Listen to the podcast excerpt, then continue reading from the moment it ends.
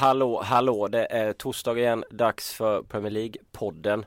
Som ni kanske hör så är det inte Liverpool-supporten Patrik Syk som sitter här utan det är Fredrik Jönsson med en ganska rasslig eh, röst, lite småförkyld. Ja, var du ute igår eller? Ja, precis. Jag var ute igår. Eh, Syk väntar ju tillökning i familjen. Eh, det är dags att gratulera honom när, ja, när det sker. Det är på gång med tvillingarna hemma. Trevligt för honom. Eh, Kalle Karlsson däremot sitter frisk och med eh, sportslig framgång på alla sätt och vis. Karlberg i tvåan och det händer mycket i Premier League så att ditt liv leker väl eller? Ja, framförallt leker det ju nu när säsongen är slut och man får andas ut lite och gå ur den här bubblan som man lever i annars med eh, där det egentligen är fotboll 24 timmar om dygnet. Men eh, just nu så är det lite lugnare eftersom det är off-season eh, i den svenska säsongen. Och dessutom har vi ett landslagsuppehåll här som eh, väntar här runt hörnet. Och det tycker jag är extra trevligt. Nu kan du ta det lite lugnt. Exakt.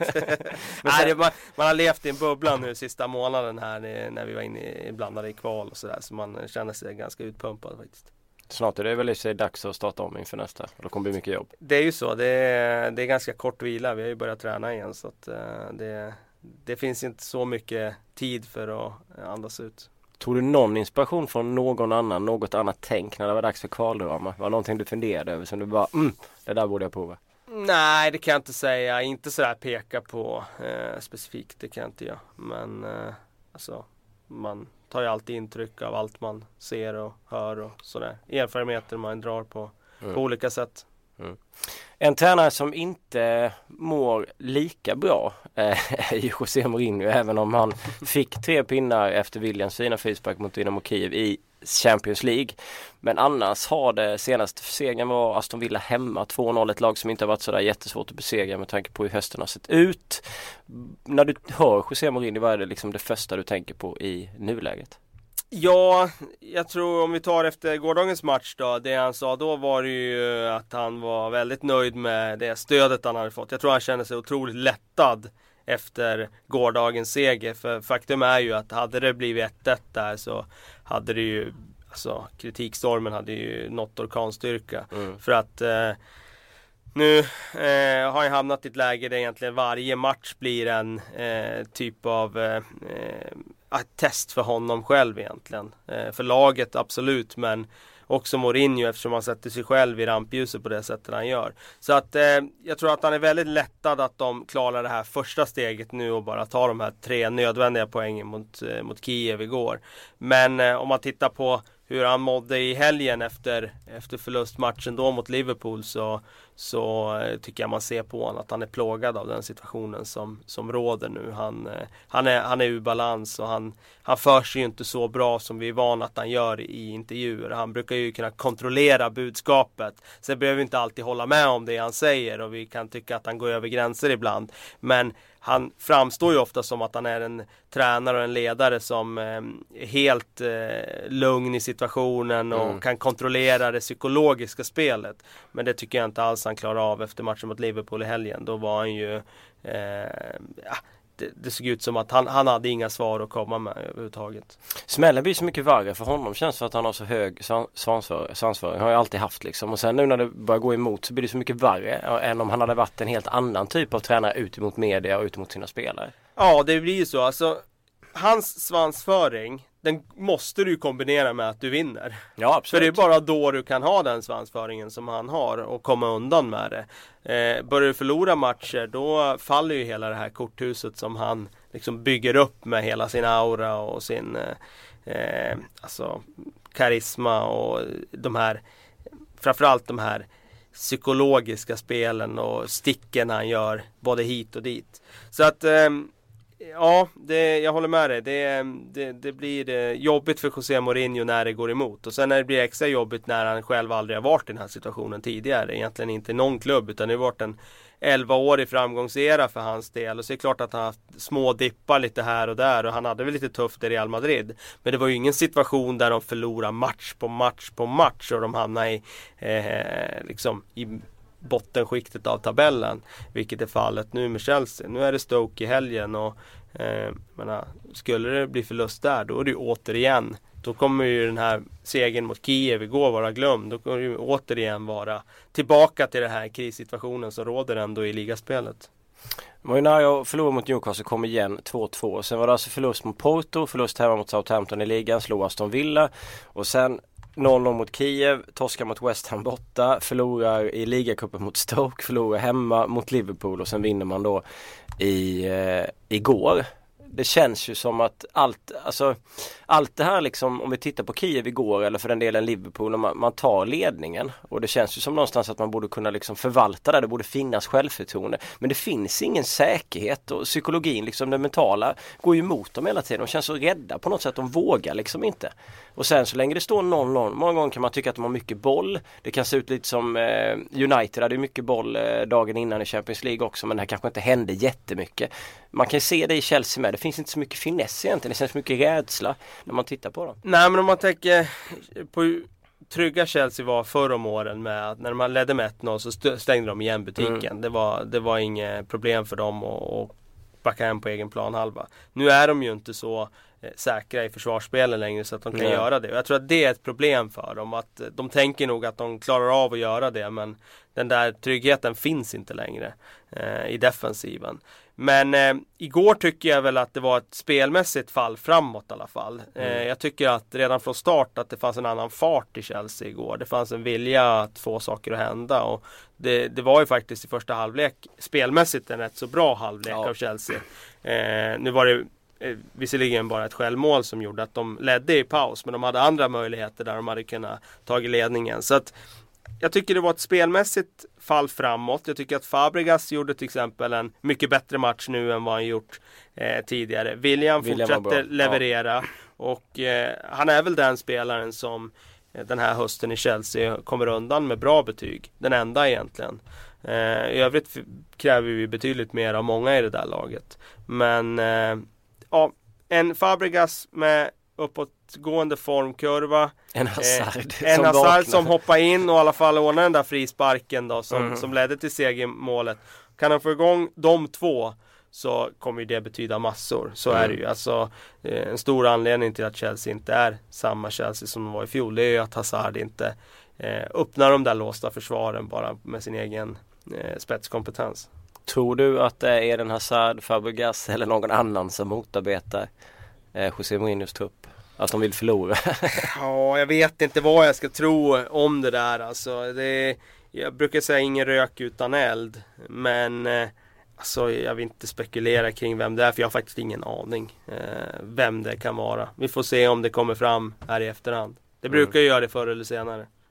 Men det känns lite som att det är ett, ett par gubbar som behöver vakna. Diego Costa måste väl upp ett och annat steg. Man såg i slutet av matchen igår att han fick ett hyfsat läge. Man tänker Diego Costa för något år sedan så hade han dragit direkt istället mm. han krångla. Man ser väl på att det saknas en del självförtroende hos några gubbar. Det gör det och fortfarande det där problemet tycker jag på defensivt mittfält. Jag menar nu mm. spelar ju Fabregas ett steg upp igår i nummer 10 positionen. Men Matic har inte varit Nej. Matic som han var förra hösten. Och om vi tittar på helgens ligamatch så spelar de med Ramirez och John Obi Mikel. Det funkar ju inte heller i den Nej. matchen. Så att han har ju ett problem med det som har fungerat så otroligt bra tidigare. Det vill säga defensiva mittfältet där han alltid har haft en säker koloss som har skyddat sin backlinje. Där backlinjen som eh, givetvis har blivit ett år äldre nu då med framförallt då med John Terry som har åldrats väldigt snabbt över sommaren och Branislav Ivanovic också. De får inte samma skydd längre som de fick tidigare. Matti kändes ju som helt fantastisk när han plockade tillbaka honom. Mm. Han var ju liksom briljant. Mm. Men det, man ser ju inte riktigt den liksom stabiliteten hos honom den här säsongen. Nej, han började ju visa lite tecken på det i våras. Eh, I slutet av förra säsongen. Eh, så var han inte alls lika bra som han var under första halvan. Och eh, nu i höst tycker jag att han har varit riktigt eh, blek faktiskt. Eh, inte alls den koloss och den eh, härförare som han var förra säsongen. Kutsuma kan väl ändå tycka gör det bra. Absolut. Kurt Zuma är, eh, tycker jag, Chelseas bästa mittback i nuläget. Och uh, han gjorde ju en världsklassbrytning igår som räddade dem där i, i starten av andra halvlek tror jag det var. Mm, ja, just det. Eh, och eh, han kommer väl också undan från den här säsongsinledningen med godkänt betyg. Eh, har väl lite grann att slipa på för att ta det där steget och bli en, en eh, riktigt bra mittback. Men han är ju stort löfte i alla fall. Kan Mourinho sparkas i helgen om de förlorar borta på Britannia? Nej, jag tror att han fick tillräckligt med förtroendekapital och eh, skjuts framåt av den här segern som gör att han överlever nog en förlust mot Stoke i helgen. Jag tror att han gör det faktiskt. Men skulle de förlora mot Stoke, då är det tillbaka till det där läget som det var tycker jag innan Dynamo Kiev-matchen. Att skulle man förlora den och Stoke, då tror jag det är tillräckligt för att få gå. Eh, han köpte sig lite tid med den här segern igår. Eh, de har ett hyfsat läge nu faktiskt i Champions League och gå vidare från gruppen. Eh, skulle de förlora i helgen mot Stoke så kanske han klarar sig. Han får två matcher till eller tre matcher till.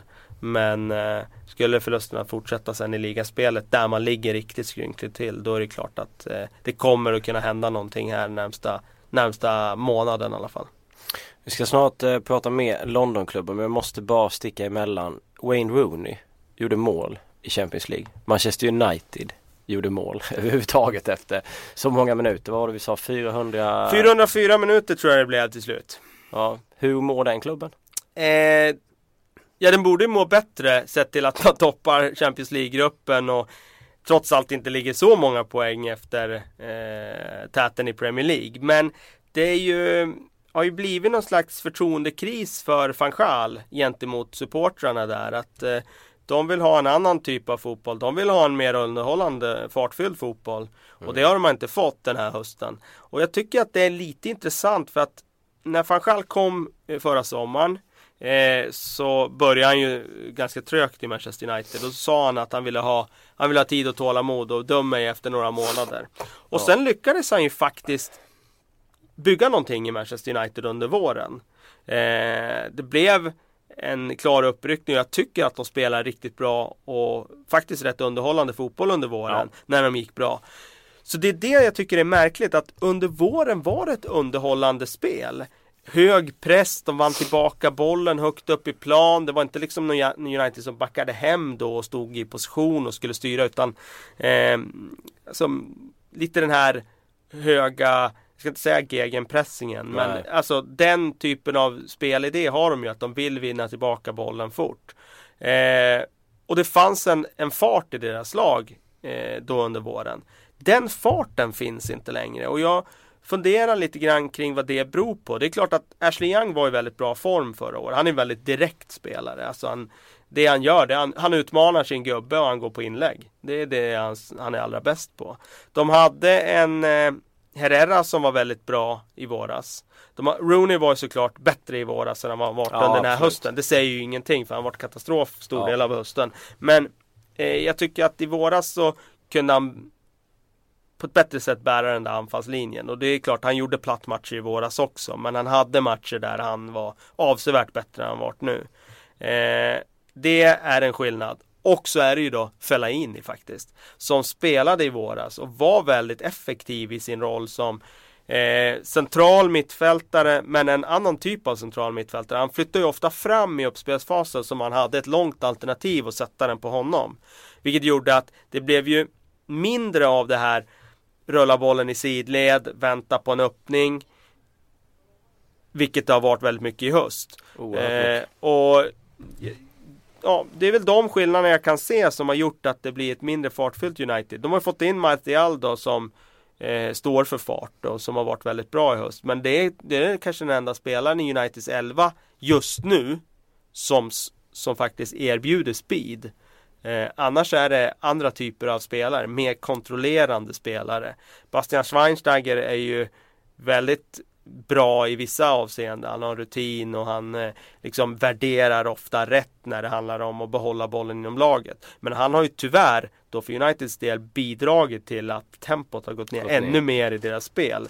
Eh, det tycker jag faktiskt. Och Carrick tycker jag inte heller Adam Carrick han var i fjol. Då tyckte jag han var en av Premier Leagues allra bästa mittfältare, om inte den bästa, på att sätta tydliga, raka uppspel och hitta in med bollar in mellan motståndarnas lagdelar. Jag tycker inte att han är i den formen just nu så att han eh, kan styra spelet på samma sätt som han gjort. Han har blivit lite, kanske påverkad också av att spela med Schweinsteiger, att han har också blivit mer sidledsspelare än vad han var tidigare. De tar ju inga risker egentligen när man tittar på dem. Det kan gå 20 minuter. De, liksom, de vågar inte slå den längre passningen emellanåt. Vågar inte chansa. Mm. Utan det rullas och rullas och rullas och händer Nej, det, ingenting. Det, det, det är ju liksom en riskminimerande filosofi. Det är det här som Spanien hade i VM 2010. Ja. Där man, man håller bollen inom laget för att motståndaren inte ska kunna anfalla på dig. Och eh, så länge du håller bollen inom laget så kommer inte motståndaren göra mål heller. Det behöver inte leda till några målchanser för dig själv. men det leder i alla fall inte till några motståndarchanser. Och det, det resonemanget gör ju att det blir ett väldigt riskminimerande spel. Jag tycker matchen mot City var ett bra exempel på det. Alltså man, man eh, man minimerar risk genom att hålla bollen och spela den i sidled. Och det är klart, det kommer säkert göra att United vinner matcher i slutskedet på att man tröttar ut sin motståndare och sådär. Och det, det, det, är en filosofi som, som kan vara gångbar på ett sätt som kanske inte underhåller publiken men som ger de här tajta segrarna med 1-0 i slutet. Jag menar Fanchals lag, eller Fanchal menar jag, han har ju inte fått någon credit alls för att Manchester United inte släpper in några mål. Vilket han borde ha fått. Jag menar de gör ju inte det. Eh, men det har ju liksom helt gått förbi och det är klart att eh, nu är det fyra nollor i rad. Han har styrt upp det där försvarsspelet som som eh, som man inte kanske trodde att han skulle göra. Men så länge de är så svaga offensivt så, så kommer han ju inte få credit för det. Man har släppt in åtta mål på elva matcher. Uh, det ligger väl på det är, ungefär, det är samma som Arsenal och City United eller City och uh, Tottenham släppt Ja in då är tre av dem mot Arsenal. Ja precis. Så tar du bort den matchen då är det fem mål på tio matcher. Mm. Och det är ju väldigt bra facit. Alltså skulle Martial, uh, Rooney, Memphis och de börja leverera individuella skickliga insatser och mål och så vidare med den här typen av fotboll. Då skulle han ju absolut plocka tre om han bara håller ihop försvaret samtidigt. Men så länge de inte levererar på samma sätt och det blir 0-0 så blir det ju som du säger. Då, då kommer det liksom klagomål, det är tråkig fotboll, det händer ingenting och det blir massa nollor och han får kritik. Men skulle det funka och han har liksom spetsen framåt att de börjar leverera då skulle han ju säkert bli förlåten ifall Ja det är klart han skulle, det är klart han skulle bli det. Det är ju en resultatstyrd bransch. Jag menar Vinner han matcher med eh, Säg att de gör, mycket tycker jag beror om man får kritik eller inte. Gör man det där tidiga målet i en match eh, i första halvlek. Då, då har till och med publiken mer eh, förståelse för att man inte bara blåser på framåt hela tiden. Men det är klart, gör man inte det där målet och man fortsätter spela bollen i sidled och vänta på öppningar. Då tycker ju publiken att varför går vi inte framåt? Vi är ett topplag som ska som ska vinna matcher. Eh, så att de behöver bli spetsigare framåt och, och, få hål på motståndarna tidigt. Och det där blir en nyckel tror jag för Manchester United den här säsongen. För att det man ser är ju att motståndarna har lärt sig att backar vi hem mot dem så får de väldigt svårt att hitta öppningar. Eh, och nu gjorde CSKA Moskva det. Eh, och det, de andra lagen de senaste veckorna har också gjort det i ligaspelet. Så att att få det första målet i matcherna kommer bli otroligt viktigt för van Gaal. För annars kommer han möta lag som backar hem och då kommer United få svårt. Patrik Syk pratade i, nu bara byter vi ämne här nu, eh, förra podden om att snacka Harry Kane. Mm -hmm. Han mår väl rätt bra nu eh, målmässigt. Kane han har ju liksom börjat komma igång i, i Tottenham. Kane måste ju må eh, alldeles prima med tanke på att han har ju varit satt under lite press får man ändå säga eh, nu i inledningen av säsongen. Det blir ju det där snacket. Är det en one hit wonder? Är det liksom nu har han gjort fyra mål på två matcher. Mm. Eh, han fick göra det hattricket förra mm. veckan. Eh, jag tycker i och för sig då att, eh, och det har vi sagt faktiskt i den här podden, att eh, han, jag tror jag sa det att han har ju tagit sig till chanser under den här måltorkan och den här perioden han inte gjort mål. Så att man har ju anat att det kommer snart. Jag tycker han har gjort samma saker som han gjorde i fjol. Gå in i banan och skjuta med högerfoten. Ja men eh, han, han, han, har ju varit samma typ av spelare så han gör ett otroligt stort jobb i, för laget. Han tar sig till chanser. Man har ju sett på honom att han har varit eh, dränerad på självförtroende. Men nu, nu med de här fyra målen så uh, gissar jag att han kan hamna i en period där det rullar på lite. Ja. Både han och Tottenham går ju bra. Går riktigt bra och det är kul med Tottenham faktiskt för att eh, de har ju gjort en satsning nu. Pochettino har gjort en satsning på unga spelare. Eh, inhemska spelare. Och den har burit frukt. Eh, det visst, det blev ingen fjärde plats i fjol. Men eh, det känns som att Tottenham hela tiden nu tar steg framåt. Och med tanke på Chelseas kräftgång så nu har ju Tottenham en bättre chans att ta fjärdeplatsen mm. än vad de har haft egentligen sen Harry Redknapp tog den där fjärdeplatsen. Eh, som de blev, inte, inte ens fick en Champions League-biljett på då 2012. Men, eh, eh, eller 2011 var det. Men eh, 2012 eh, var det nog Särskilt med tanke ja. på att Leicester ligger tre också. Det är väl egentligen ingen som tror, även om Leicester varit fantastiskt trevliga den hösten, ska hålla där.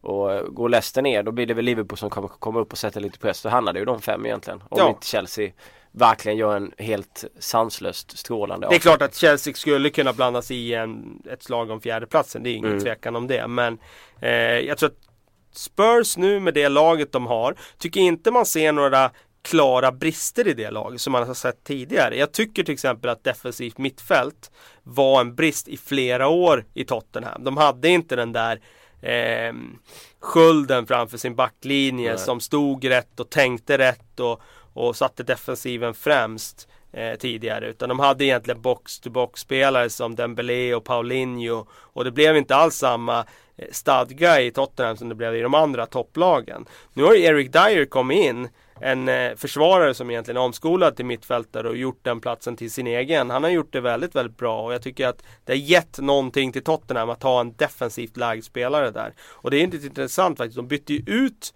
De tog ju fram Bentaleb och Mason och satsade på dem i fjol. Ja och fick effekt av det då. Nu har de plockat fram två helt nya inhemska mittfältare. Dele Alli då, eh, Guldklimpen ja, som man värvade inför den här säsongen då. Och eh, Eric Dyer som nu är bofasta i startelvan. Så att de eh, har ju föryngrat ytterligare och fått effekt på det. Och samtidigt då när man har en Christian Eriksen som har eh, förmågan att avgöra matcher från alla deadball situationer. Eh, när man har Harry Kane som nu börjar göra mål igen. När man fått in Toby Alderfereld som jag tycker har blivit en riktigt bra förstärkning till det där mittförsvaret. För det var ju också ett problem tidigare att man kanske hade Vertongen då som var okej. Okay, men vem skulle spela bredvid honom? Eh, Alderfereld tycker jag har varit Tottenhams bästa försvarare eh, den här hösten och eh, det, ser, det ser bra ut alltså. Det, det gör det. Lite för bra ut ja. kanske. Det har varit kul att ha Erik Niva här så han kan väga upp den här bilden jag levererar nu. Men eh, menar, de har ju tio matcher nu utan förlust tror jag. Tottenham. Och Eh, nu är det ju derby i helgen och det, det blir ju väldigt intressant att se eh, vad de kan göra då. Alltså eh, jag tänker på eh, när du snackar eh, Dele Alli, det mål, han gjorde ett fint mål senast. Hur bra tror du han kan bli? Han kommer från MK Dons va? MK Dons ja. ja. Eh, och det gillar vi ju inte. Ja. MK nej, Dons nej, det gillar vi verkligen inte. Men vi gillar Dele Alli. Det är en... Eh, 19 bast bara. Ja, 19 år och går in och spelar på det här sättet på centralt mittfält. Det är inte någon ytter som ska springa och slicka linjen och...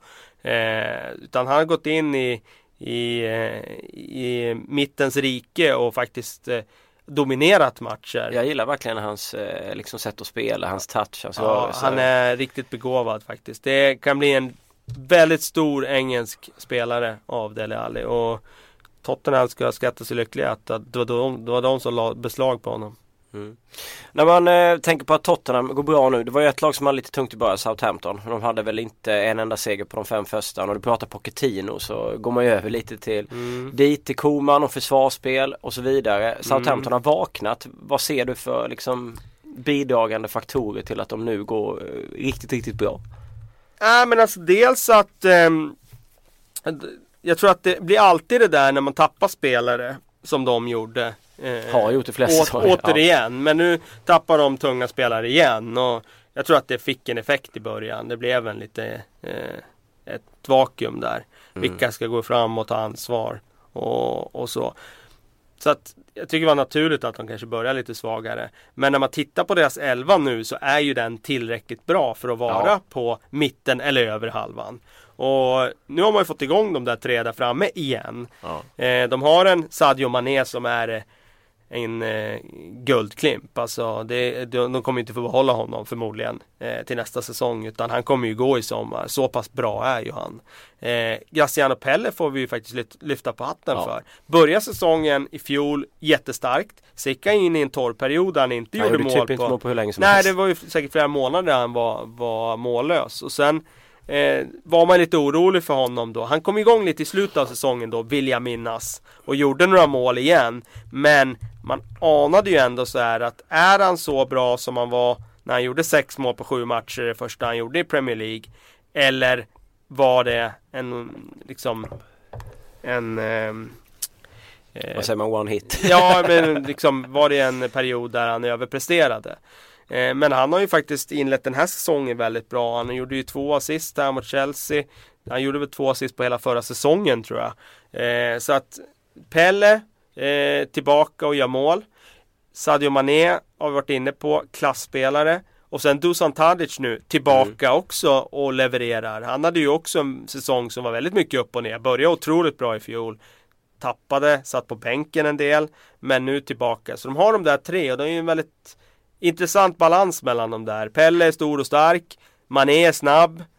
Dusan Tadic är teknisk. Mm. Det är liksom olika egenskaper i den där tridenten där framme. Och jag tycker att eh, där har de kanske eh, sin främsta styrka just att de har de där tre som kan avgöra matcher. Sen får man ju också säga då Virgil van Dijk, mittbacken de fick in från Celtic. Han har ju faktiskt blivit en, eh, en riktigt fin tillskott. Han eh, imponerade ju inte i matcherna mot Malmö, tyckte jag.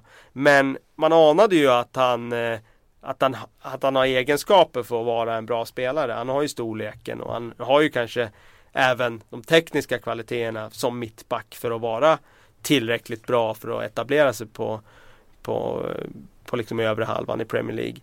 För att han har ju väldigt gott anseende där, hade ju i Celtic. Men han har ju kommit in och gjort det väldigt bra och dessutom ett hot offensivt på fasta. Vad är det som gör egentligen det här med Southampton? För jag är imponerad. Lovren var ju bra där. Han har inte varit lika lyckad i Liverpool. Van Dijk funkar ju liksom mm. jättebra också. Att han äh, får det att funka hela tiden. Är det på grund av liksom att eh, Är det Komans tankar från början? Är det Pochettinos eh, som har satt sig Alltså vad, är, vad, vad ser du? Som jag liksom tror mer att... miljön i, i klubben så. Det är en sån klubb där du kommer dit och du får ta ansvar men det är kanske inte samma press som det är i storklubbarna. Mm. På att du måste leverera. Jag tror att det där när du kommer lite utanför rampljuset så, så är det lättare att prestera.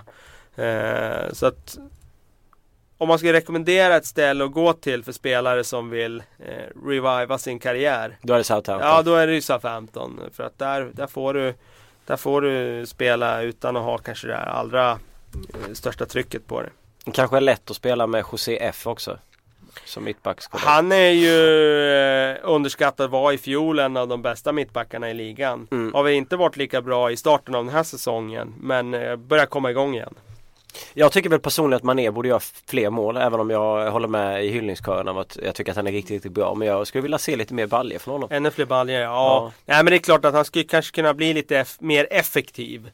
Men jag menar i år, vad har han gjort? Han har gjort en fem mål i alla fall, har han inte det? Ja, tre i ligan har han gjort. Ja. Sen har han gjort fler i kupperna här också. Mm. Han gjorde ju två i ligacupen ja. Mm. Mm. Jag var lite ja. förvånad hur andra halvlek såg ut för jag tyckte att de eh, körde över Cherries fullständigt eh, på hemmaplan. Eh, mm. och sen så tappar man, antingen ger man bort initiativet i andra halvlek eller så tappar man det. Så kommer ett rätt kort och så var det liksom eh, lite jobbigt för dem i, i slutet av den matchen. I match som i första halvlek kändes som att det här kan bli en 4-5-0 om ja. de bara trummar på liksom. Nej det kändes som att de slog av på takten där. Eh, och det borde de ju inte göra mot ett så svagt Bournemouth, eh, de borde ha gasat på Lite som Everton gjorde mot eh, Sunderland egentligen. Ja egentligen. Dem ja precis. Eh, men eh, ja, det blev ju 2-0 så det, det alltså de klarar sig den här gången. Ja. Arsenal, eh, vi hoppar till London igen. Eh, riktigt bra insats mot Swansea. Inte lätt. Eh, vinner med 3-0. Åker till Tyskland och blir slaktade mot Bayern München. ja. eh, Kosheni börjar på bänken, höftskada. Vet inte om han kommer spela i, eh, i derby. Ja, han verkar ju vara, eh, alltså det blir ett late fitness test för, för honom och se om han lirar. Eh, Jobbigt för Vegarna då liksom. Verkligen och nu blir det ju den där farhågan. Är det så att skadelistan kommer att skälpa Arsenal igen, ja. vilket den har gjort eh, så många gånger förr. Eh, jag vet inte. Det är klart förlusten igår smärtar. 5-1 är inte kul att åka på. Men Nej. de mötte också ett Bayern som är fruktansvärt bra. Mm. Det är eh, just nu, här och nu är det Europas bästa lag. Och eh, att, att de skulle få stryk igår, det tycker jag nog var ganska uppenbart. Ja. Eh, redan innan matchen. När de hade Bejerin skadad, när de hade Koscielny borta. Det är två man i backlinjen när de ska möta Europas bästa lag. Eh, som dessutom är revanschsugna efter förlusten i London. Men eh, det som är farhagan som sagt, det är ju nu med de här skadorna som börjar hopa sig. Om, det, om Arsenal klarar av att rida ut den här skadekrisen nu ta poäng. Jag menar nu är det ett formstarkt Tottenham som väntar i helgen. Eh, förhoppningsvis är Koscielny tillbaka då. Bejerin kommer inte vara tillbaka så det är ju ett avbräck. Mm. Han har ju börjat ge bort bollen mer, eh, Wenger. Han behöver inte ha lika mycket boll som han hade förr. Han kan gärna kontra, mm. vilket var bra mot Swansea. Nu har han ju skador, vilket sätter givetvis en osäkerhet när halva backlinjen är annorlunda eh, mot Tottenham. Förmodligen, det vet vi, Korseni kanske spelar. Eh, vilket jag kan tänka mig inte är alls roligt. När man liksom har satt grunden och man tycker att man har hittat någonting. Man har övergett lite av det gamla tänket och, och kommit in i, i, ett annat. Liksom, ja, det är så viktigt att man har ett tryggt försvarsspel om du ska backa hem ja. och, och, inte äga bollen. Då får du ju absolut inte göra som Gabriel gjorde igår. Det vill säga ställa en offside-fälla mot Lewandowski när första målet görs. Alltså det, är ju, det blir ett kardinalfel som det har du inte råd med om du ska sitta lågt för då, det kommer ju komma 20 inlägg då på en match. Om du inte själv äger bollen om du ska satsa på kontringar då får du räkna med det och då kan du inte agera på det sättet. Och det var det som var Det var lite oroväckande att Gabriel gör ett sånt juniormisstag eh, när försvarsspelet nu är så viktigt som det är. Eh, så att det är klart Får se om Koscielny spelar men gör han inte det så jag upplever ju att Mertesacker också blir sämre när han inte har Koscielny bredvid Ja de två funkar ju eh, super. Ja oftast. de har ju utvecklat ett samarbete nu under flera år och jag upplever nog att nu är det samarbetet riktigt, riktigt bra. Ja. Men det är ju ingen, eh, det är inget snack om, om Arsenal får tillbaka sitt gubbar och fortsätta. Annars så kommer de kunna vara med och jag ska inte säga att de kommer vara med och slåss om titeln hela vägen men de kommer ju definitivt få en ny CL-plats till nästa säsong. Ja, jag skulle nog säga att de kommer slåss om tiden. Ja det, det, tror jag. Jag har ju tippat att de ska vinna ligan och fram till här att de av det här. Inte jag. Nej, jag hör det. Men eh, jag vågade det i år och jag tror att A lot can happen in three years, like a chatbot may be your new best friend. But what won't change? Needing health insurance. United Healthcare Tri Term Medical Plans, underwritten by Golden Rule Insurance Company, offer flexible, budget friendly coverage that lasts nearly three years in some states. Learn more at uh1.com. Det, det som kan skälpa det, det är ju att, eh, att um, Arsenals fitness team inte gör sitt jobb här. Mm. Uh, för att uh, när de har alla tillgängliga så tycker jag att det är de, som, de och City det står mellan. Men, och, och det är samma så. sak med City där, att det är orolig för där, det är ju att Agüero går sönder. Och han ja. gick ju sönder. Ja. Eh, såklart, för det gör han ju alltid. Och nu är Silva skadad där också i City och då tycker jag nog med de skadorna så tycker jag Arsenal har en bra chans att slåss hela vägen in. I nuläget absolut, det kan jag hålla med om. Uh, även om jag inte riktigt vågar. Med tanke på att det är mest Men vilka City. andra lag ska vinna Nej då? det är, ju mest, det är ju mest City som är själva United är ju... Ja, i Nej de vinner ju inte en liga United Nej. i år. Det, det, det är ju svårt att se när de, när de har ett så torftigt anfall som de har. Mm. Ja det blir väl City kanske då istället i så fall. Jag är för feg för att... Men det håller med dig, det är ju typ de egentligen. Egentligen är det 50-50. Men Swansea, vad har hänt där liksom? Så, jag antar att du såg när mm. Gomis blev ren från halva plan typ mm. i stort sett. Tänker igenom hela sitt liv ja. eh, och ska dribbla och sen blir han av med bollen och så, och så vidare. Liksom. Det var ju en eh, anfallare som inte agerade med självförtroende. Hade ja. han gjort det så hade han ju borrat in den där eh, distinkt när han Eh, när han har skottläget så hade han ju curlat in den. Mm. Check gör det ju bra får man ju säga. Han täcker ju mm. eh, på ett förtjänstfullt sätt. Så att eh, där ser man ju också där med Check att eh, nu har ju han växt ut till en, eh, en riktig jätte. Det är inte så kanske vältajmat att säga det att det är F5 i ja, München. Men lätt. om vi pratar ligamatchen senast tycker jag han gjorde en helt otroligt bra match borta mot Swansea. Allt han gör är ju förtroendeingivande. Han, eh, hans luftspel, han är ute och boxar. Det är tajta situationer, han reder upp dem. Han sprider bara ett lugn och en säkerhet i det där försvaret. Så att eh, eh för att inte bara skälla på Gomis, jag håller med dig, han ska självklart göra mål där. Men eh, jag tycker Check gör det väldigt bra i den situationen också. Han håller sig kall och går inte ner och kastar sig i onödan ner på marken utan han, han står upp så länge som möjligt. Mm. Men vad är anledningen tror du till Swansea att de inte ser lika fina ut som de gjorde i början? Lite otur mot Arsenal tycker jag. Jag tycker de spelar riktigt bra fotboll mot Arsenal första halvlek. Eh, jag tycker att de dominerade mittfältet i den matchen. Johnny Shelby var fantastisk i första halvlek tycker jag. Eh, lite det där, gör Gomis mål i de här matcherna. Ja. Då kanske man inte hade suttit här och pratat om om Swanseas formsvacka utan då har vi suttit och pratat om att fan Swansea är uppe i toppstriden och slåss där. Eh, så jag tror att det är mycket där har det, har det att göra med. Sen är jag menar, jag har ju aldrig trott att, jag menar det sa vi när de var uppe där Swansea och var topp två, topp tre där att de kommer ju aldrig hålla där. Så är det ju. Vilken målvakt har tagit flest straffar i Premier Leagues historia? historia. Mm. Kan du det? Jag skulle vilja säga Peppa Reina men det är det inte. Uh, nej. Vi har pratat om hans lag, Londonklubb. David Seaman enligt eh, Premier League.com så har han tagit sju straffar på, eh, på 22 eh, på 22 straffar så han har 31,8 procent. Ja det är bra. Nummer två där står i Premier League idag. Mm -hmm. eh, har stått i Tottenham och står nu i Watford. Mhm. Eh, Herelio Gomes alltså? Exakt. Han tog ju straff i början av månaden äh, mot äh, Eddie House Just Cherries. Det blev 1-1. Watford. Ja. Är väl en klubb som vi ändå får vara imponerade av. Ja men det tycker jag. Eh, alltså nykomling som i och för sig har bytt ut hela sitt spelarmaterial inför den här mm. säsongen. Mm. Det får man ju notera. De, eh, de har ju knappast gått upp med samma material som hade i fjol utan det är ett helt nytt lag egentligen. Eh, men Kiki Sanchez Flores har ju ändå fått hyfsad ordning på det eh, hittills får man ändå säga. Eh, det är intressant med så mycket nya spelare. Man ligger någonstans i mitten av Premier League. Man gör typ ett mål per match. Man släpper in ett mål per match. Och det är bra gjort att få ihop Alltså defensiven kan jag tycka under så Så kort tid ja. ja. Mm. Ja, det är två raka nollor nu och tycker de gjorde en jättebra match mot Arsenal också i en halvlek. Ja, I en halvlek. ja absolut. Eh, sen rann det iväg där i andra halvlek där. Men eh, Eh, nej, de, de har varit i bra form. Jag var lite tveksam där i början. Jag menar, de börjar ju fyra första matcherna med, de börjar väl med tre kryss först. Och sen torsk i fjärde omgången. Och då, alltså stå på tre poäng efter fyra matcher där. Det var inga liksom svåra matcher sådär kanske de hade haft heller. De hade haft West Bromwich hemma och sådär. Ja. Då var man lite eh, osäker på dem. Men de har ju två riktigt bra spelare där framme, Troy Dini och Igalo som eh, tillsammans faktiskt kan oroa vilket försvar som helst.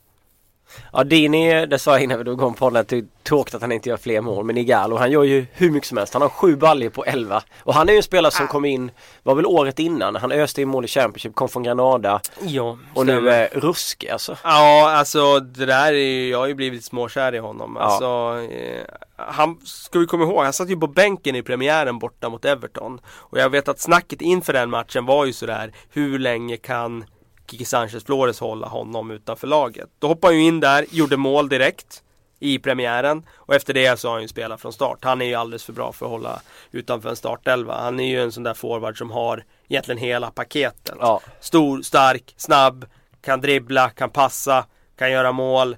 Eh, han har ett spel i sig för eh, liksom, en högre nivå än Watford. Sen eh, är han ju inte jätteung så. Vilket gör att ja, 26, han, 27? Ja han är 26 år han. Så att eh, han kommer väl inte kanske få den där flytten till något topplag så men jag menar det han har gjort i Watford i år eh, hittills det imponerar ju väldigt stort. Han, det här kalenderåret har han ju öst in mål. Ja. Eh, det snackas, jag läste, jag kommer ihåg att jag läste i eh, brittiska tidningar nu då när det, när det gått så bra för honom just i Premier League också att Watford någonstans var redo att eventuellt släppa honom i somras. Någon av dem bytte så mycket folk och höll på. De måste vara rätt nöjda med att de valde att behålla honom. Han har ju liksom varit helt, helt fantastisk. Men kan inte det bli en, nu ska vi inte hålla på och gå in på massa silly season grejer, men kan det ändå inte bli att något något storlag kan välja att plocka en sån kille om de inte behöver betala för mycket just för att han är i form för att de behöver en målspruta. Här och nu. Du menar redan i januari? Ja, gärna om de åker på skador liksom. Mm, vilket lag skulle det vara? Nej, jag bara slänger ut frågan. Om Harry Kane skulle bli skadad typ, Tottenham? Ex ja, till exempel. Jag kommer ihåg när eh, Demba Ba var ju trevlig i Newcastle. Plockade Chelsea honom mitt i ett jävla januari. Newcastle skulle ju behöva Igalo. Precis som att han Ja. vill spela där. Liksom. Eh, nej, det tror jag inte. Då skulle han gå från ett mittenlag ner till ett bottenlag. till botten i Premier League. Nej men han är ju riktigt, riktigt trevlig. Sen är det klart att sen har de ju Barbo och Dini och, och så vidare liksom. Så Diamanti är ju på det där mittfältet också. Eh, har väl inte spelat så mycket. Eh, så att jag tycker att eh, det är trevligt att eh, de ändå kan gå upp och eh, lägga sig i, i mitten. Eh, men om man kikar, såg att vi hade någon fråga om det också. Att Watford nu de liksom, är de så pass stabila? Kan man säga det nu efter en fjärdedel av säsongen? Att man inte kommer se dem där nere? Vågar man göra det? Ja, alltså jag tror att det finns så många plankor i den här ligan. Eh, det finns så många svaga lag. Eddie Alltså- House, eh, Steve McLarens. Ja men alltså du har Aston Villa. Ska Remiga, ja, vi kommer komma in på Aston Villa sen. Men Ja. Du har Aston Villa, det är en planka. Ja, Du har Sunderland som en annan planka. du har Newcastle som en planka. Du har Bournemouth som en planka. I nuläget. Det är fyra lag. Sen skulle jag nog säga att Norwich också är en planka som är sämre än vad Watford är. mm, Eh, vilket innebär att det är fem lag där som de potentiellt skulle kunna hålla sig bakom mm. eh, i tabellen. Jag tror att de kommer att slåss på den under halvan Watford. Men eh, jag tror kanske att de kan klara kontraktet, ja. Mm. Så det är mer, mer oroväckande för Villa, Sunderland, Newcastle, Norwich, Eddie Howe i Bournemouth. Ja det är det. Det är faktiskt. Ja, Bournemouth ser ju, förutom att de gjorde väl en hyfsad eh, andra halvlek mot Southampton så ser det inte sådär jätteroligt ut. Och Nej, jag, jag, sen blir jag lite sådär. Det, det där är ett sånt där lag som eh, Nu har de drabbats av de här skadorna på spetsspelare, Ja, Gradell ja. och Callum Wilson i första hand. Jag tror att de kommer att spela bra fotboll. Och så kommer de åka ur. Och så kommer man säga sådär som man sa om Blackpool.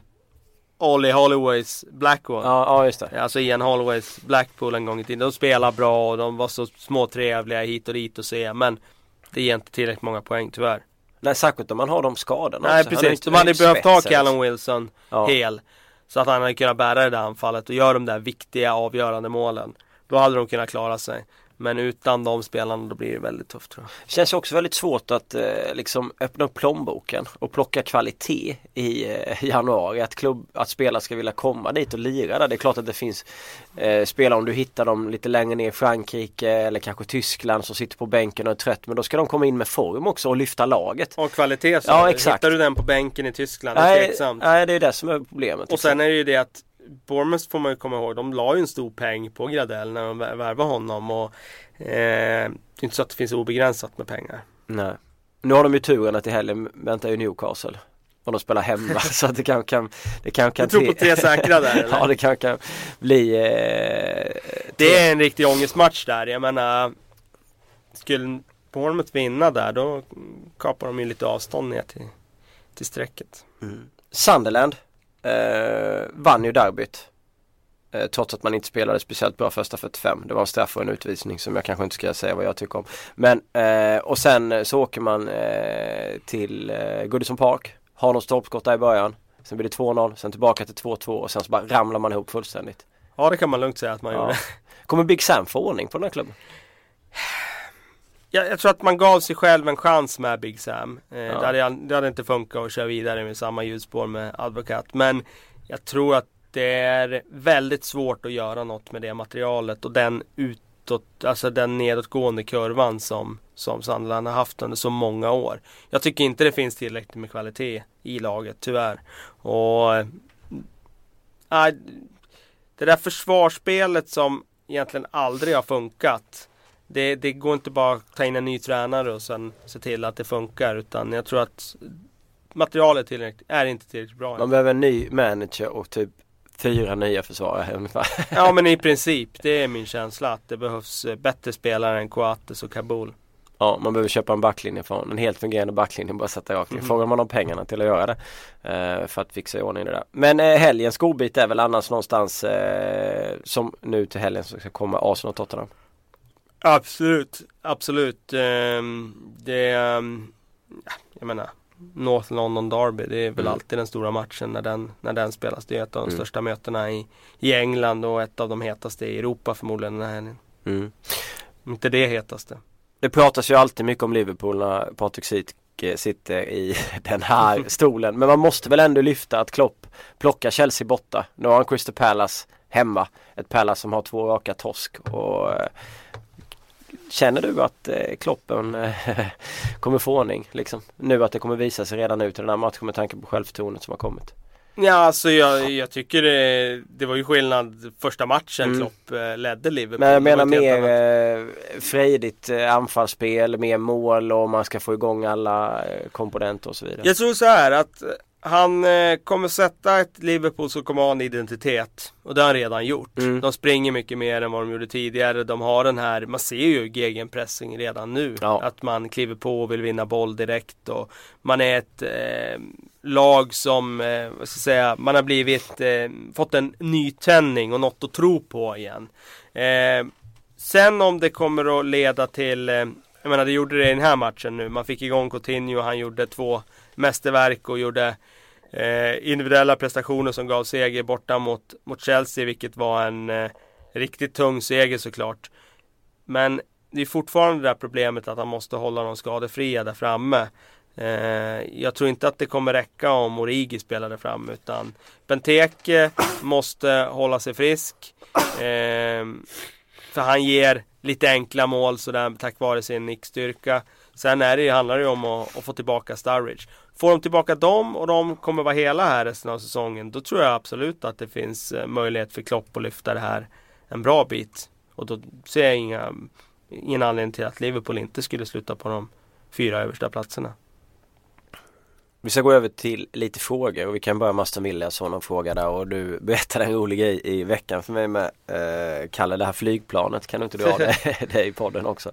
Ja det är lite svårt att återge i, i en podd. Det, ja. det, det, här är nog min svåraste uppgift jag någonsin har fått ja, i den här podden. Men eh, det var väl en, en, en tweet eh, som eh, det kom ju många sådana här tweet, uh, tweets nu som försöker vara lite lustiga men uh, det var under första minuterna när Tottenham hade tagit ledningen mot Aston Villa så var det uh, tweetens andemening var att uh, Remy Gards plan just nu på väg till England men då visar det ett plan som, skuggan av ett plan som backade.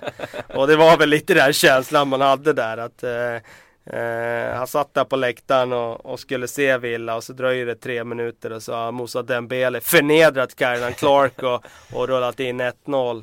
Eh, man undrar om man kanske i sina egna funderingar funderade på vad han hade gett sig in på. Jag tror att han får det väldigt svårt, Remigard, att lyfta det här Aston Villa. Det är ett eh, lag som har tappat sina mest bärande spelare i Delf och Christian Benteke och Ron Flair. Hela centrallinjen är egentligen borta. Och de var ju inget bra, ska man komma ihåg, förra året heller. När de hade den där centrallinjen. Nu är den borta och nu har de tagit in de här franska eh, spelarna som ska gå in och lyfta det där och det har de ju inte gjort än. Jag tycker att det finns kvaliteter och mm, en entusiasm hos en sån som Jordan Amavi till exempel som kom in på, på vänsterback där. Eh, men kvaliteten att göra det vecka efter vecka den finns inte riktigt.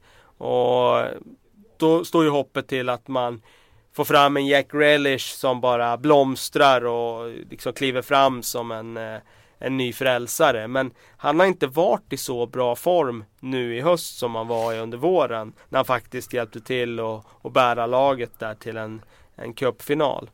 Eh, så att jag tycker väl problemet är i Villa att det saknas så mycket kvalitet. Sen är Brad Gooson tycker jag har varit en stabil målvakt. Eh, rätt ja, länge. Ja. Han har nu darrat och vacklat på ett sätt som gör att eh, de måste ju nästan göra ett målvaktsbyte där. Alltså, så dålig som han har varit nu. Det, det, det håller ju inte. Det håller ju inte. Så att eh, det är ju också ett problem. Jag menar laget är för dåligt. Sen om det dessutom har en otrygg målvakt i det här läget. Nej, jag tror att han har en riktigt, riktigt tuff uppgift där nu, Remigard. Han verkar inte få loss sina assisterande tränare från Lyon som han vill plocka med sig heller. Utan de verkar sitta fast kvar där i... Lyon verkar inte vilja släppa dem. Så att eh, han kommer att få ansluta nu till Birmingham och göra det själv och göra det på sitt vis. Och vi får se vad han hittar på. Men eh, en fransk tränare som ska in i Premier League eh, och med ett begränsat spelarmaterial. Nej. Nej, det känns Det, inte det, bra. alltså, det är intressant, Man- det finns ju tränare som bara sitter i den här karusellen och som alltid blir aktuella när lag är i kris. Och då vill man ju ha en Tony Pulis som har ett track record av att han åker inte ur. Nej. Du vill ha en Sam Allardyce som ja, du tänker att han, han är bra på att lyfta lag i kris. Känner ju till, varit i Premier Ja, League varit i Premier League tidigare, har gjort det här förut. Engelska pressen och hela Så här plockar du en fransman som i och för sig var ett av Europas mest intressanta tränarnamn Ja. för bara några år sedan. Och han har ju säkert förtjänster som gör att jag tror att han passar jättebra i ett bättre lag i Premier League. Alltså det hade inte alls varit fel att plocka in Remy Gard i, i ett lag på, på ja men som SA-15 till exempel. Alltså ett lag som är välmående. Men att komma in nu i Aston Villa jag tror att det, det är eh, Han har tuffaste uppdraget just nu i Premier League. Det är väl tur att han kanske spelade i Arsenal där i slutet på 90-talet. Han har en del erfarenhet men alltså det kan ju förstöra hans rykte ganska bra som tränare. att Komma in jag i, tycker ju Ja. det. Jag vet jag, skrev, jag skrev om han- skrev om det och det var någon som tyckte att eh, ja, men han tar ju sin sista chans nu. Och visst, han är 49 år nu. Det är kanske hans chans att få komma till Premier League och ta den här nu. Men eh, samtidigt blir det fiasko här nu så då kommer han ju kanske inte få någon mer chans i Premier League. Och eh, hade han haft lite mer is i magen, tagit mellansteg så kanske han hade fått en lite bättre eh, eh, liksom lite bättre uppdrag i Premier League än att ta ett Villa som, som står på fyra poäng. Mm. Vad borde de göra? Tycker du om man tittar på laget? Vad kan man göra direkt så här kvick? Nej, jag, jag, alltså Bänka Agbon Lahore. Ja, precis. Alltså Gestede tror jag ju. Nu startar inte han senast. Jag tycker ju att det vore intressant att spela honom eh, och satsa på honom där framme. För jag tror man kan få rätt mycket gratismål med Ja honom jag tycker på också plan. det. Det är bättre än För han är så otroligt stark i luftrummet. Jag menar Ja. han var ju nära på att nicka in 2-2 nu mot, Mm. mot Tottenham. Och det är ju ett sånt där mål som det är ingen annan som kan göra ett sånt mål. För de når inte upp eh, på den höjden på ett inlägg som han gör. Eh, så Gestede in från start. Carls Gil eh, sp- spanske spelfördelaren kanske ska ha en roll där han får testa nu som nummer 10 och få en viktigare roll där han kan eh, försöka vara den som ska stå för kreativiteten. För där finns det ju en klar brist i det här Aston Villa. Och sen eh, handlar mycket om tror jag att hitta en, en trygg backlinje. Och det kanske inte är Michael Richards som central spelare där. Nej. Utan det kanske är Michael Richards som högerback. För att han aldrig kommer bli så positionssäker så att han klarar av mittbackspelet. Jolion Lescott har ju varit en besvikelse för mig. Han var, gjorde en jättebra säsong i fjol i West Bromwich. Och jag trodde faktiskt när de värvade honom nu att det var ett, ett bra tillskott och att han skulle komma in och kunna styra upp den där backlinjen och vara, kanske fylla tomrummet efter Ron Flair. Men han har inte gjort det ännu. Nej, det är sjukt att Richards bara är 27. Han kommer ju fram under, under Svennis när han Ja. var City. Tog ner TVs där i något derby 20 när han var år 19 sedan. år typ. ja, typ så. Eh, ja, men han lär väl spela Jordan Ajev också ganska mycket med tanke på att han lär väl ha gillat honom när han såg honom i Frankrike. Säkerligen och Jordan Ayew har ju nu eh, mål i två matcher i rad tror jag. Så att eh, där har vi väl också någon som eh, kommer få chansen nu med ny tränare. Jag är ju inte så övertygad om, om Jordan Ayew. Eh, jag är mer förtjust i hans storebror. Men eh, han kommer säkerligen få chansen nu. Vi kör lite frågor. Eh, Mattias Asplund. Eh, Chris Smalling, ligans bästa mittback. Ja, det tycker jag. Utan tvekan. Utan minsta tvekan ska jag säga. Eh, det han har gjort här i höst är ju smått sensationellt. För att, att han har varit den här stora starka mittbacken som kan vinna dueller i luften och att han kan vinna även löpdueller. Eh, det har vi ju sett tidigare. Men det jag tycker att han har blivit nu, det är att han har fått en bättre funktionell teknik. Vilket gör att han kan lösa situationer på ett sätt som han inte har gjort tidigare. Eh, han kan ta ner bollen i trånga eh, situationer, han kan spela sig ur. Och jag kan knappt minnas att han eh, har satt en fot fel i de senaste matcherna. Han har varit eh, otroligt bra i höst. Och det var ju kanske det stora problemområdet när man tittade på United. Hur ska de lösa det där mittförsvaret? För att de kopplades ihop med ganska många mittförsvarare i somras. Men tack vare Chris Smallings otroliga form så bär han den där backlinjen. Och då kan han bära en defensivt svagare Daily Blind. Eh, För att han är så pass bra. Vilka, det är Anton Johansson, vilka spelare i de mindre lagen skulle ni vilja se få chansen i ett storlag? Och vilket? Jag är ju helt klart Igalo! Ja, Igalo. Men ja, alltså Igalo absolut. Eh, jag skulle definitivt också vilja se Agbon Lahore bara för att jag kommer ihåg när han var så otroligt, otroligt lovande. Och sen gick han ju inte det då. vet fan om jag vill se. Jo men jag skulle, jag skulle vilja se om det någonsin har funnits sådär för att liksom Du vet du får rätt omgivning, kan du verkligen liksom vara så Och sen eh, gillar jag ju Ayoso Perez i, i mitt Newcastle så jag skulle gärna vilja se han i, i något av de bättre Okej. lagen. Sen vilka lag vet jag inte. Arsenal Ehm, kanske. Nu är ju han tyvärr skadad och skadad en längre tid men Callum Wilson i, Ja, i Bournemouth hade man ju gärna sett kanske i en större klubb och se vad han hade kunnat gjort där. Ehm, Du vill kanske plocka någon i Leicester också även om nu de är ju trea men om man ska säga inför en mindre klubb och sätta någon av dem i, i Chelsea eller Ja men. Mares är ju klart, Ja. det blir ju naturligt. Vardy, Mares, det är Mm. klart att de skulle man ju gärna eh, vilja se bara i en annan miljö nu efter den här säsongen. Se om de kan ta ytterligare fart. Mm. Eller så vill man ha dem kvar i Leicester så de kan fortsätta bygga på sitt Ranieri-projekt. Det vore ju också kul. Anton Edvinsson. Det här är en klassisk fråga med tanke på Tactics Tim. Mm. Eh, kommer det kroniska misslyckande Sherwood få en ny chans i något lag? Har han ens licens att träna? Ja, licens att träna har han ju. Det är, annars får man inte stå där vid tränarbänken. Eller man får inte vara ans formellt ansvarig i alla fall. Men eh, nej, eh, jag, jag förstår hans poäng och jag tror att eh, nu kommer klubbar vara väldigt restriktiva med att plocka in Tim Sherwood. Eh, nu har han misslyckats eller fått sparken i två klubbar. Och visst, han blev en korttidseffekt i Tottenham. Han blev en korttidseffekt i Aston Villa. Så det är möjligen då att han kan ta sig in med en fjärdedel kvar av säsongen i någon bottenklubb för att bara försöka få till en eh, rädda kontraktet eh, eh, effekt. Men eh, jag tror inte någon klubb kommer sätta ett treårs, fyraårskontrakt framför nosen på honom. Nej. Svante Corneliusson, eh, en fråga till dig som kanske är svår att hugga direkt. Kalle, vilken match har du sett flest gånger? Ehm. Av alla matcher någonsin? Ja, nej, vet du tusan alltså. Vet du tusan alltså. Nej, det är nog ingen match, alltså någon specifik match sådär. Som jag kollat på. Men däremot så eh, kan jag säga det då när vi snackar repriser att eh, Eftersom Manchester United gjorde en så svag match, det blev det snacket kring van Gaal och sådär, så, så kollade jag faktiskt på eh, en match från säsongen 2006-2007 eh, när de vann ligan eh, här igår. Och det var intressant att se faktiskt. Jag minns den matchen väldigt väl. Bort, borta, mot, borta mot Bolton var det. Eh, och jag tyckte de spelade otroligt bra fotboll i just den matchen. Så att jag, jag kollade på första halvlek av den matchen för jag, jag minns den som liksom att eh, oj vilken bra fotboll de spelar. Och så kollade jag på en Arsenal-match också igår. Eh, från när de var Vadå 2003, 2004? 2004 Ja, 2003, 2004. eh, och bara, bara få se lite grann så här, hur såg fotbollen ut då? Eh, vad, vad var det liksom som, eh, vad, som kontrasten mot den här kontrollerande possession-fotbollen? Och ja, jo, det går ju mycket fortare framåt, det gör det ju. Mm. Eh, både för Arsenal och för Manchester United de matcherna jag såg.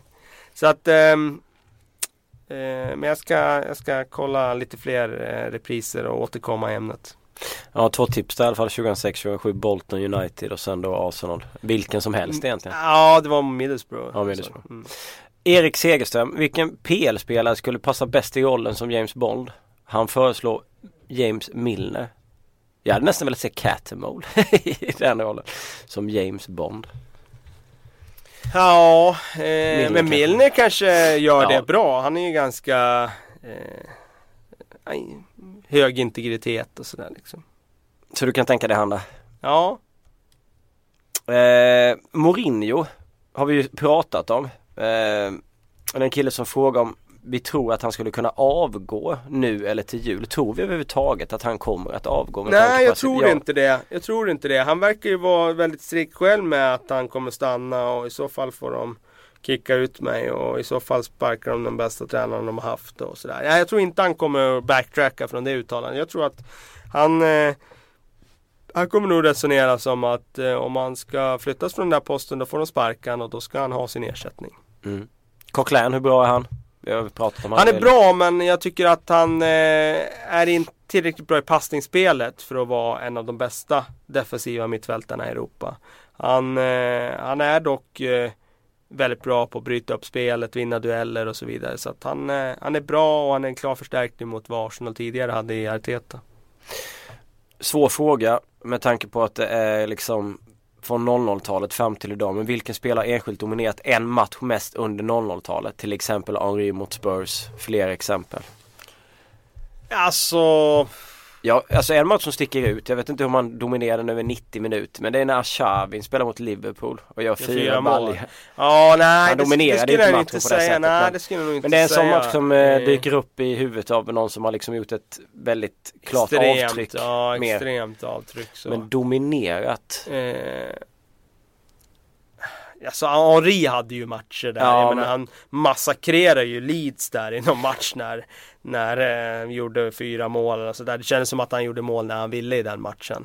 Eh, Vieira hade ju matcher också om vi snackar början av 2000-talet. Eh, mm. Roy Keane hade matcher. Jag kan inte komma på just en sån här motståndare, specifik match där de har varit liksom eh, gjort precis vad de ville. Paul Scholes hade ju någon match här, var det Fulham hemma, där, sista säsongen han spelade innan sin, det var ju före sin, sitt första gången han la av.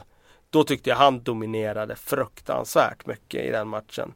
Han gjorde något volleymål i den matchen också. Um, så ja, det finns spelare. Gera, eh, Henri, Roy Keane, Paul Scholes som har varit eh, Gerard har ju också såklart ja, haft sådana matcher. Eh, Lampard måste ju ha haft sådana också. Ja, kanske inte Lampard lika mycket när det handlar om att sätta rytmen i spelet och sådär. Men eh, eh, ja, det finns sådana. Ronaldo hade nog också matcher där han var brutal. Han, var ju, han blev väl utnämnd till världens bästa under en runda i United va? Eller var mm, det, det var i säsongen 2007-2008. Så där måste han ju varit brutal i rätt många matcher. Det var han ju garanterat. Ja. Vi har väl typ svarat på den här frågan men jag tar den för att vara snäll mot Andreas Edström. Är Arsenals mittbackar tillräckligt bra för att laget ska kunna vinna ligan? Och det har du väl svarat på? Ja. Ja, jag tycker att de är det. Eh, men jag tycker kanske inte att de är det om Koscielny ska vara på skadelistan. Då eh, tror jag inte de klarar av att vinna ligan med han på skadelistan. Men spelar han så tror jag att de är tillräckligt bra. Ja, det är det som krävs för att eh, Wenger helt enkelt ska kunna plocka ligan. Tänk vad skönt för Wenger. Kommer han sluta då eller? Vore ju ett, alltså på, på något sätt ett, ett bra tillfälle i så fall att tacka för sig. Eh, genom att ta den där titeln som man har strävat efter nu i så många år. Och bygga ett nytt, en ny generation och, och återta titeln och sen avgå. Det vore väl eh, ett bra tillfälle. Sista... För hans egen del menar ja, han. Har, menar, då har han ju uppnått det som, som eh, kanske ingen trodde att han skulle göra för bara några år sedan. Sista frågan kommer från Mårten Everbrand. Han undrar hur långt Evertons anfallsspel kan räcka med Cornel, Lukaku och så vidare. Nej men alltså det, kan ju, det är klart att det kan räcka långt men eh, om du bara tar det isolerat. Men jag menar Kone, han är ju en sån där spelare. Han gör ju en sån där match. Och sen, upp och ner väldigt, sen väldigt är det ju väldigt mycket upp och ner. Jag menar det var ju otur för mig att jag bytte ut han i Premier Manager. Precis innan han gjorde det här tricket. Det var jävligt dålig fingertoppskänsla får man ju säga. Eh, Säsongens värsta kanske?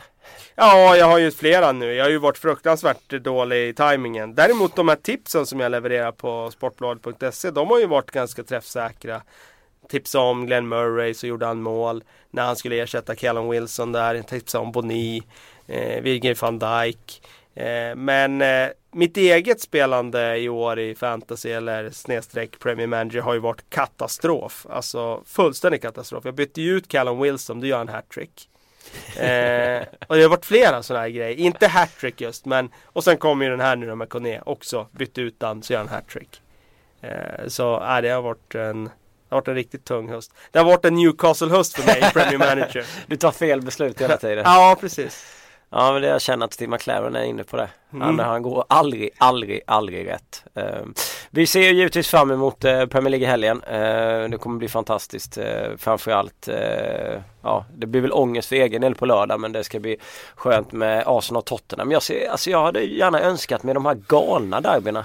Du vet som slutade typ 5, 2, 6, 3 och vad det var, fyra lika mellan Arsenal och Tottenham. Skulle mm. vilja se ett sånt på söndag. Mm. Men det får vi väl inte? Eller? Nej, det tror jag inte. Det tror jag inte. Det kommer att bli ganska tajt. Jag skulle gissa det, men eh, vem vet. Den intressanta matchen eh, i helgen eh, redan på lördag, det är ju Stoke-Chelsea på lördag kväll 18.30 där. Den är ju fin. Mm. Kommer du kasta in, har du något eh, fantasy-tips att bjuda på här?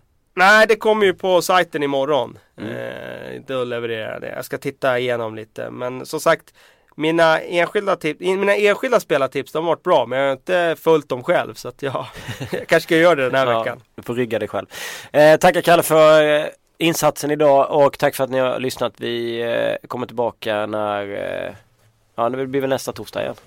Det blir nästa torsdag igen. Ja, tack så ni ha. Hej!